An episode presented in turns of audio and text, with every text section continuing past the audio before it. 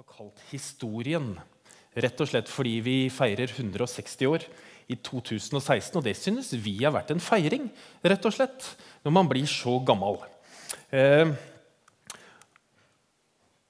og I denne serien så skal vi se litt framover, og så skal vi se litt bakover. Eh, og De tre første gudstjenestene skal vi bruke tid på disse tre gutta her. Det er fra venstre Gustav Adolf Lammers, og så er det Fredrik Fransson i midten, og så er det Frank Mangs til høyre. Og Vi spør hvem var de Hva sto de for? Eh, hva betydde de den gang, og hva betyr de i dag? Eh, hva har vi med oss, og hva har vi lagt bak oss? Fordi vi tror det at Hvis du vil forstå dagen i dag, så må du vite noe om gårsdagen. Hvis du vil forstå hvordan historien eh, og fortellingen vår er i dag, så må du kunne litt om historien som ligger bak. Og det er det vi skal gjøre de neste tre ukene, med utgangspunkt i disse tre unge mennene her. Eh, og 6. og 7. februar så kommer Jens Petter Jørgensen. Fordi vi ser bakover de første tre søndagene. Og når han kommer, han skal snakke om når troen og livet setter spor. Og da skal han se litt bakover. Og så skal vi også se hvordan det som vi har bak oss, troen vår, livet vårt, eh, hvordan det blir når det setter spor, fordi det gjør det. Og han skal ha et seminar på lørdag 6. februar fra 11 til 3. Og da håper jeg det blir helt fullt her. Eh, av alle smågruppene våre og smågruppeledere og, og, alle som er involvert i vår menighet på en eller annen måte. Fra 11 til 3 6. februar. Og det tenker vi er vel verdt å investere fire timer Jens, på det. Jens Petters, når han eh, forkynner, som han gjør rundt i, i Norge og Skandinavia, så berører han mennesker dypt med sin forkynnelse. Så er vi også så heldige at han skal tale 7. februar på gudstjenesten. Da får du liksom en sånn shortcut av det han har snakket om. Eh, men kom den sjette. Uka etter så kommer Viggo Klausen fra Misjonsforbundet. Det er han med det lange håret. hvis det er noen som har sett han. Eh, og Han skal snakke om da den historien som vi har fått, som vi har erfart. Hvordan bringer vi den videre? Det skal han snakke om. Men først. Vi er da 160 år, og sammen med Frimisjonsmenigheten i Tromsø så er vi landets, fri, nei, landets eldste frimenighet. Det betyr at du sitter nå i en menighet som har lange tradisjoner og lang historie. Misjonsforbundet var jo de første som var ute med kvinnelige pastorer i 1915. Kvinner har hos oss, har hos oss hatt stemmerett siden starten. Eh, og Vi sendte våre første misjonærer til Kina i 1889. Og så har jeg alltid lurt på hvordan kom de seg dit. Det må ha tatt veldig lang tid da, før de var framme. Når, når, de var liksom herfra til Kina. Det, det, tar, det tar, jo en stund, men, men, de ble sendt i 1889, så vet jeg ikke når de kom fram. Men Misjonsforbundet har jo i dag 100 menigheter på landsbasis. Vi er ca. 10 000 medlemmer i i, i trossamfunnsprotokollen vår. Og så er vi kanskje det eneste kirkesamfunnet i landet som vokser. Hvor det er stor vekst. Og vi vokser ganske fort. Og det er vi veldig fornøyd med. Skien misjonskirke, som du sitter i nå, vi har en visjon om å sette himmel og jord i bevegelse gjennom våre tre verdier, som er å være pulserende og utadvendte og reale. Og så er eh, Den apostoliske trosbekjennelsen som vi leste i stad under dåpen, det er vårt grunnlag. Og vi bekjenner at Bibelen er mennesker og menighetens eneste rettesnor for liv og lære. Så satser vi på barn, unge og barnefamilier. Det ser du jo når jeg liksom kryr rundt her. Eh, og så satser vi også på omsorg, misjon og diakoni. Det er våre to store satsingsområder. Nok om oss eh, i denne omgang. Men jeg har lyst til å si noe om at vi er et fellesskapsprosjekt. Eh, det betyr at vi tjener sammen i frivillig tjeneste her i menigheten. Vi gir sammen gjennom en fast givertjeneste. Vi deltar sammen på storfellesskap og gudstjenester og ulike aktiviteter. Så gjør vi det sammen. Og så deler vi liv sammen i smågruppene våre. Vi tror at den lokale menighet med liksom stasjon her er verdens håp. Det tror vi helt og fullt på. Vi tar Jesu kall på dypeste alvor når han sier at vi skal gå ut og gjøre disipler og døpe dem. Det tar vi på det dypeste alvor. Og Derfor jobber vi ganske hardt gjennom visjon og strategi og forkynnelse for at Jesu kall for denne menigheten og for byen vår skal bli til virkelighet, rett og slett. Eh, men før jeg nå skal gå videre og snakke om eh, Lammers, så skal jeg ha en liten samtale med Reidun Bojesen. Eh, så hvis du kan komme opp nå, så kan, og så kan vi gi henne en sånn god applaus på, på veien.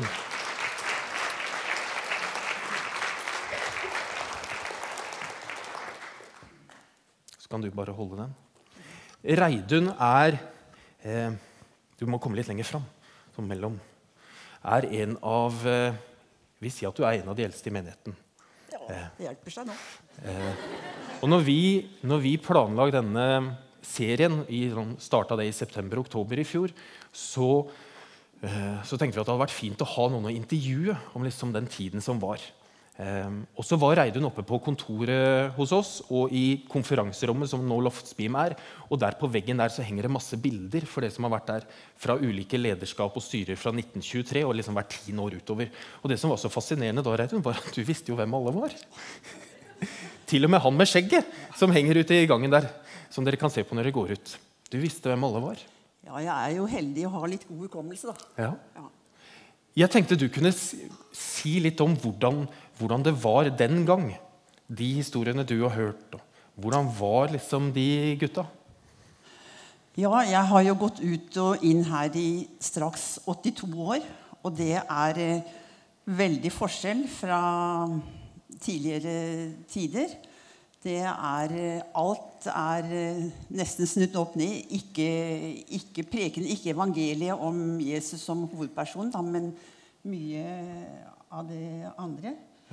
Og det, Jeg har et svakt minne. Jeg kan huske at jeg var med faren min når eh, grunnsteinen ble lagt inn i 1935. Og i 1936 ble jo det her eh, lokalet her innvidd, så de må ha jobba veldig hardt. Og det var veldig mye dugnad. Men i, i byen, som i Skien, så var det veldig stort og flott lokale, det her som ble innvia her, i forhold til mange av de andre lokalene. Mm. Skal jeg holde den for deg, så slipper du å For, jeg, jeg, for, hvordan, for du, du sa noe til meg oppe, for jeg spurte hvordan var de? de når, og når jeg så på bildene, For de ser jo ganske strenge ut på bildene. Det er ikke så mye smil. Men så spurte jeg hvordan, hvordan var de?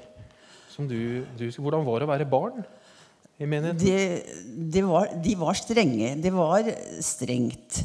Og møteopplegget var også strengt. Det var jo lite musikk, men det var eh, piano. Og så hadde vi et veldig fint kor som ble tidlig danna. Og så var det mange fioliner. Så det var ikke så veldig greit for barn å være med på møtene den gangen. Men eh, noen, noen gikk, og noen måtte være hjemme. Så alt nå er blitt veldig forandra. Men veldig mye til det positive, syns jeg, da. Og så hadde vi en veldig flott dame som spilte piano her i veldig mange år. Hun kunne ikke noter, men jeg ser for meg hennes hender som fløy over tangentene. Og den tida min far var eh, formann, så ofte så sa han det. Ja, nå har Bergljot kommet. Nå kan møtet starte. For hun heter Bergljot Glittenberg, denne dama. Og hun var veldig flott dame. Jeg hadde veldig mye kontakt med henne opp gjennom alle åra. Ja. Så når hun kom, da kunne de begynne? Ja da. Ja. Og så var det noe om de her lederne, da. ja. De var menn. Ja. Ja. De var menn i veldig mange år før det kom noen damer inn i styret. Vi hadde jo noe som heter ungdomsforening, som var for sånn mellomalder. Og der var det mange kvinner som eh, var i styret. Men eh, i det ordentlige styret var det jo bare menn. Jeg husker ikke akkurat, men det var jo de 70-åra kanskje at eh, det kom damer som ble valgt inn i styret her i menigheten. Og det var eh, veldig spesielt for mange, men det, det ble jo veldig greit. For personlig så syns jeg det er greit at kvinnene kommer med. ja. Ja. Det er vi enige om. ja. Vi er det. Amen fra Asbjørn på det. Hva, men hva tenker du at vi har med oss i dag fra den gang? Ja, vi eh, har med oss uh, mye godt. Men uh, vi har jo også med oss uh, ting som ble planta i mange år, som vi kunne gi videre på vår måte, da. Så ordet er jo den samme, men det blir jo det blir jo forkynt på en helt annen måte. Opplegget og alt er mye mer tilpassa forskjellige generasjoner. Ja. ja syns jeg, da. Ja. Og det, er, det syns jeg er veldig bra. Selv om jeg er blitt en gammel dame. Så bra. Ja. Så hvis du skal ha litt om søndagsskolen, så mm. gikk jeg de første åra på der som er loftet nå, før vi kunne begynne å gå her. Og søndagsskolen før de hadde jo ikke så mye materiell og fint materiell som eh, det er i dag. Og i dag blir jo barna satt mye mer på, i fokus mm. enn det ble gjort eh, tidligere. Men eh, det var de som drev søndagsskolen, de de gjorde det veldig bra på, på, sin måte. Og vi hadde jo to store mm, ting i søndagsskolen. Det var juletrefesten, som var veldig spesiell. Og så hadde vi avslutning på sommeren. I veldig mange år hadde vi den hos, eh, hos eh, Lauritzen. Jeg ser han, sønnen er her i dag. Og han var bonde, og han bodde jo ikke så langt unna. For den gangen var jo ikke det var jo ikke biler, og under krigen var det jo bensinrasjonering, så vi måtte ha en plass som ikke tok så lang tid å komme til. Mm. Og der var vi i veldig mange år, og det var bestandig veldig god oppslutning om de avslutningene. Særlig i alle krigsåra, da. Mm. For da ble jo allting mer oppslutning om enn ellers. Mm. Så der hadde vi veldig mange fine fine søndager. Det ble gjerne hele søndagen som vi var der, og det var aktiviteter for alle fra store og små. Og når jeg tenker tilbake, så hadde vi nesten bestandig fint vær. Ja. Ikke sant. Men det var vel litt opp og ned, da. Ja. Så bra. Ja.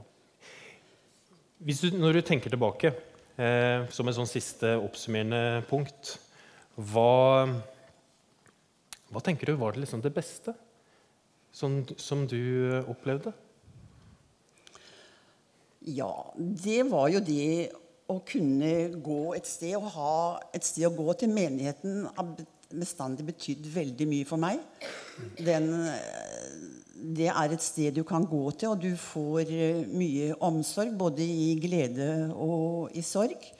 Så å ha noe å se fram til Jeg ser fram til å gå til møtene og være med på det som vi har av pizza og bønn. Og vi har jo så mange aktiviteter for eh, de forskjellige årsgrupper, og det syns jeg er veldig fint. At eh, hele familien, fra de små til de eldre, blir ivaretatt på en veldig god måte. Takk skal du ha, Reidun. Gud velsigne deg.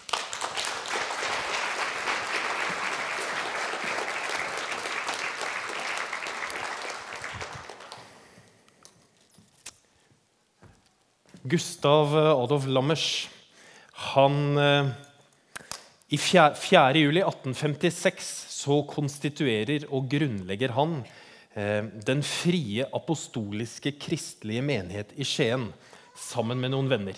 De var 38 stykk, eh, og Lammers blir menighetens forstander.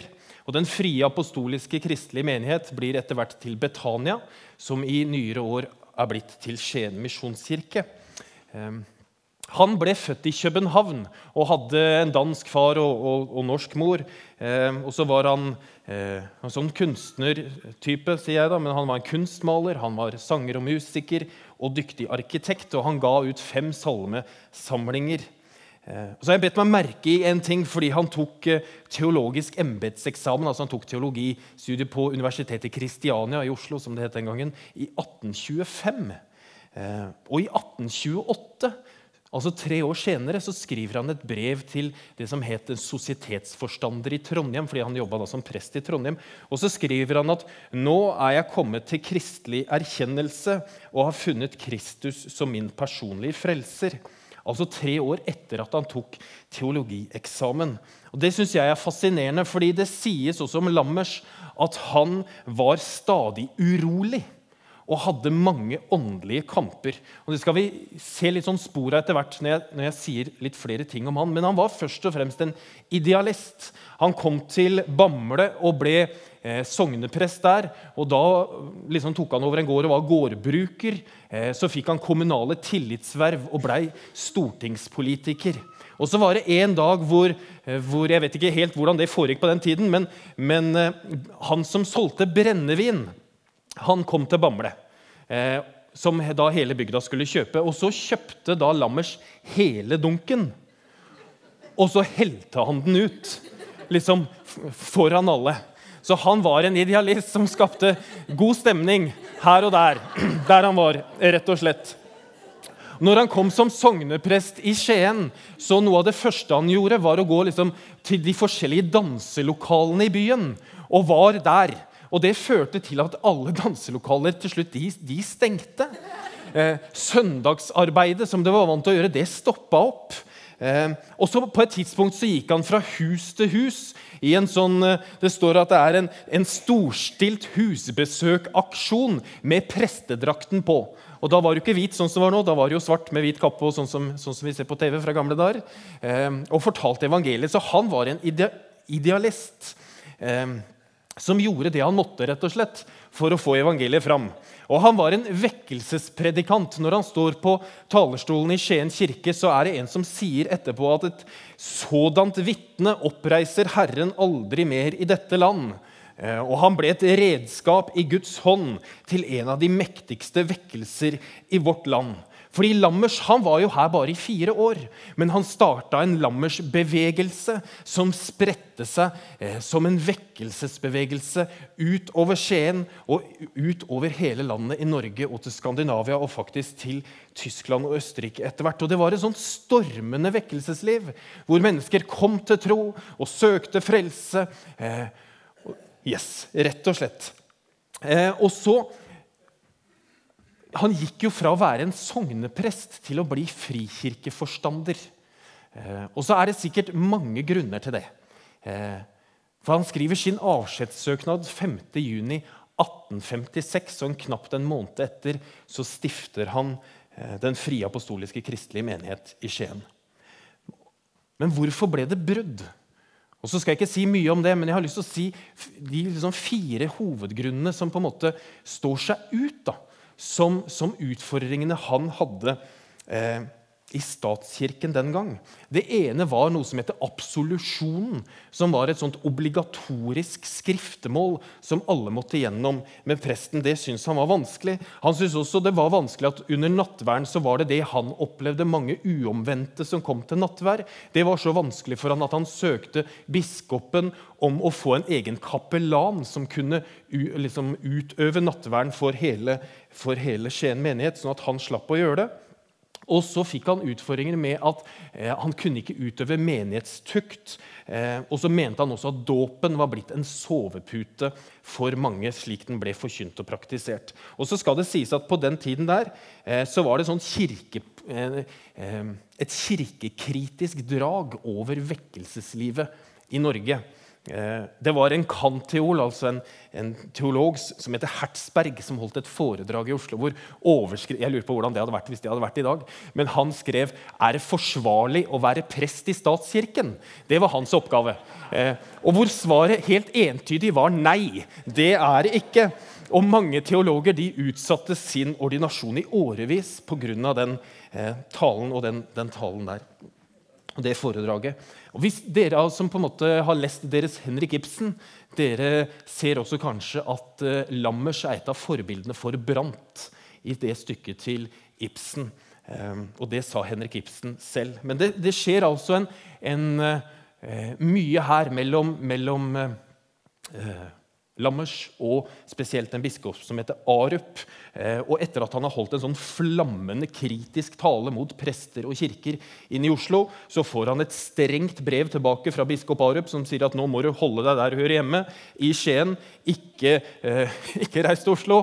Og det reagerer Det står sikkert mye mer i det brevet, men det, det i hvert fall medfører at han blir så sendt at han skriver sin avskjedssøknad eh, og går ut av statskirken. Og så kommer han og stifter menigheten da en knapp måned senere.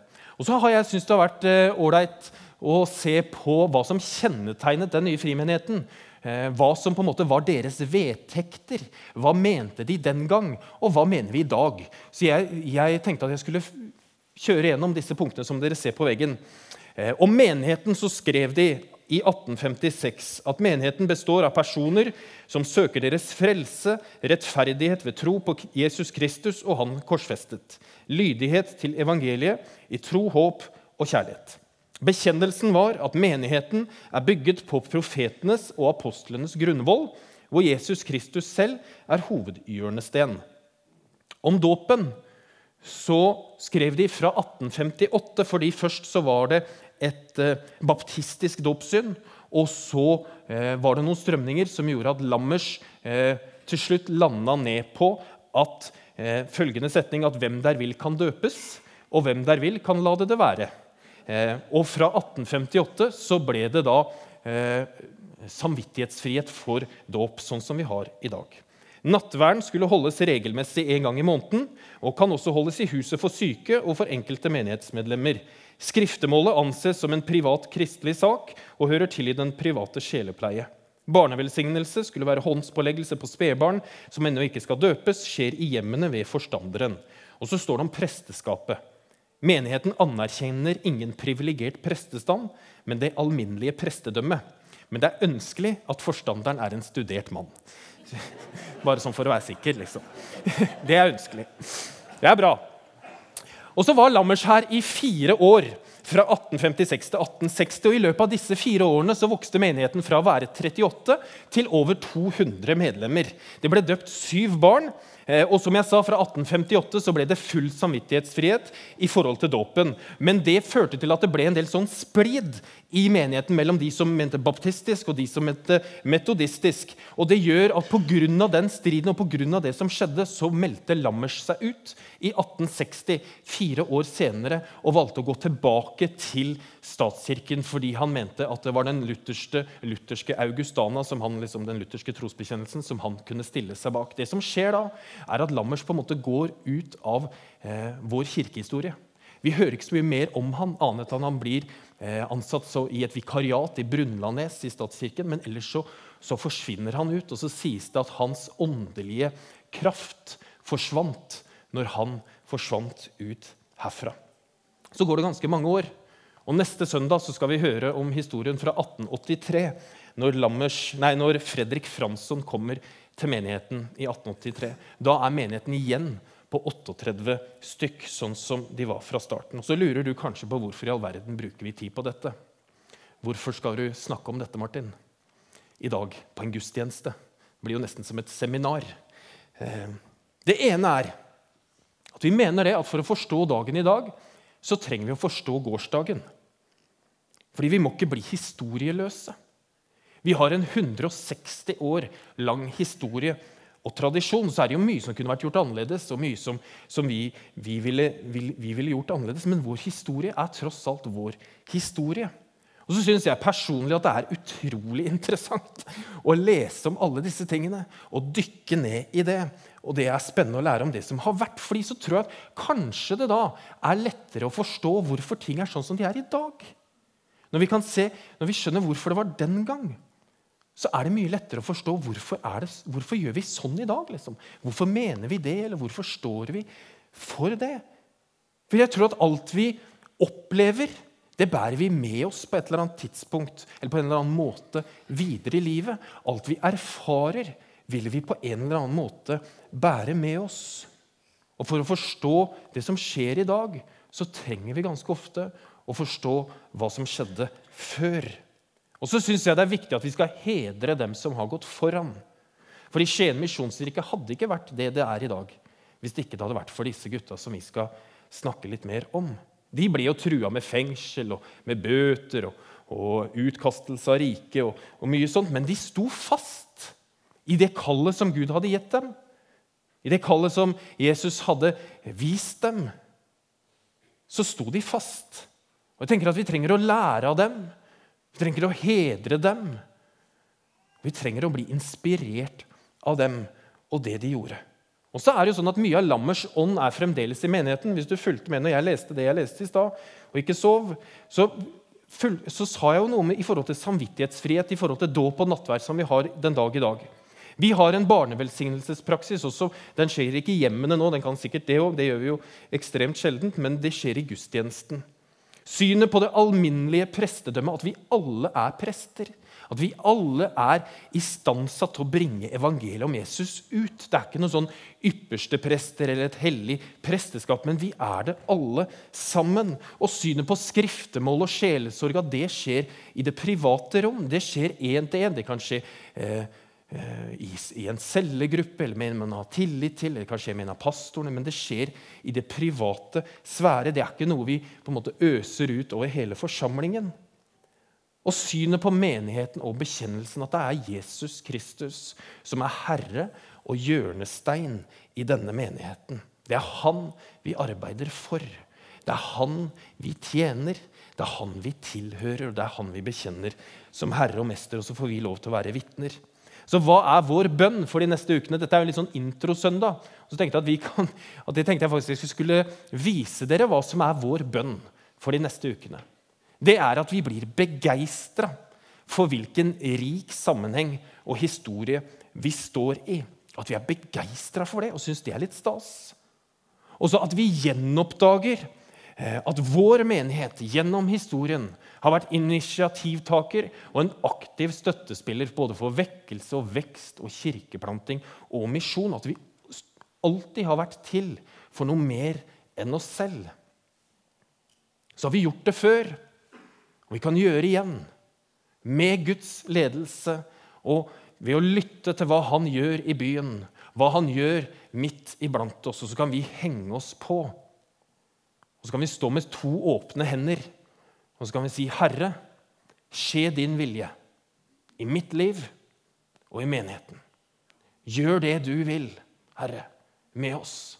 Led oss der du ønsker at vi skal gå. Fordi Gud bruker vanlige mennesker til uvanlige oppgaver. Han brukte jo Lammers og Fredrik Fransson og Frank Mangs. Han har brukt Solveig og Asbjørn Johansen i mange år og bruker de fortsatt. Han har brukt Freddy Fredriksen. Han har brukt eh, Øystein Aronsen, som nå er sogneprest i Skien. Vanlige mennesker til å gjøre uvanlige ting for Gud. Deg og meg. Han bruker oss sånn som vi er, med de manglene vi har, og de feil vi har, og de styrkene vi har, så bruker han vanlige mennesker. Og vi som lederskap og vi som menighet opplever at vi er klar for et nytt steg.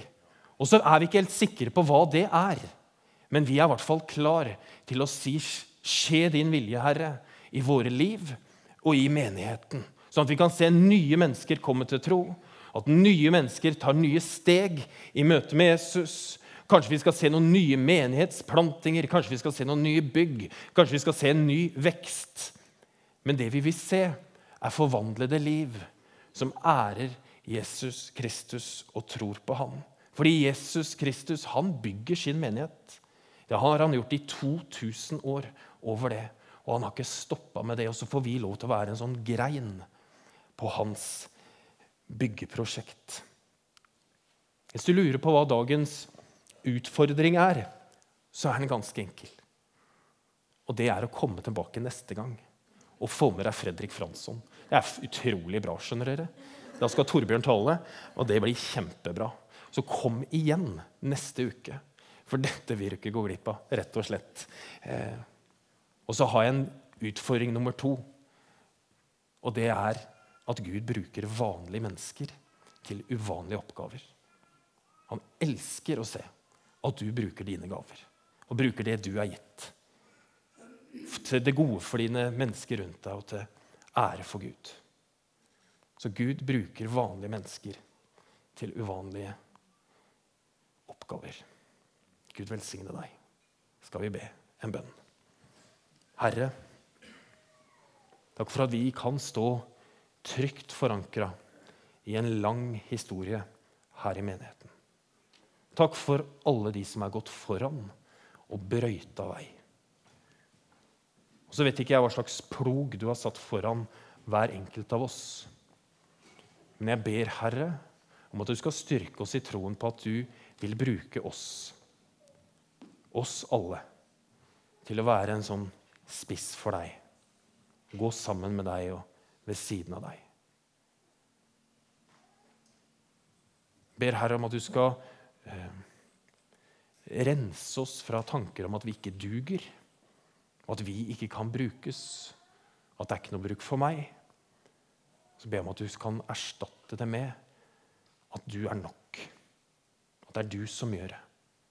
At vi er gode nok fordi du er alt. I Jesu navn. Amen. Nå skal vi synge noen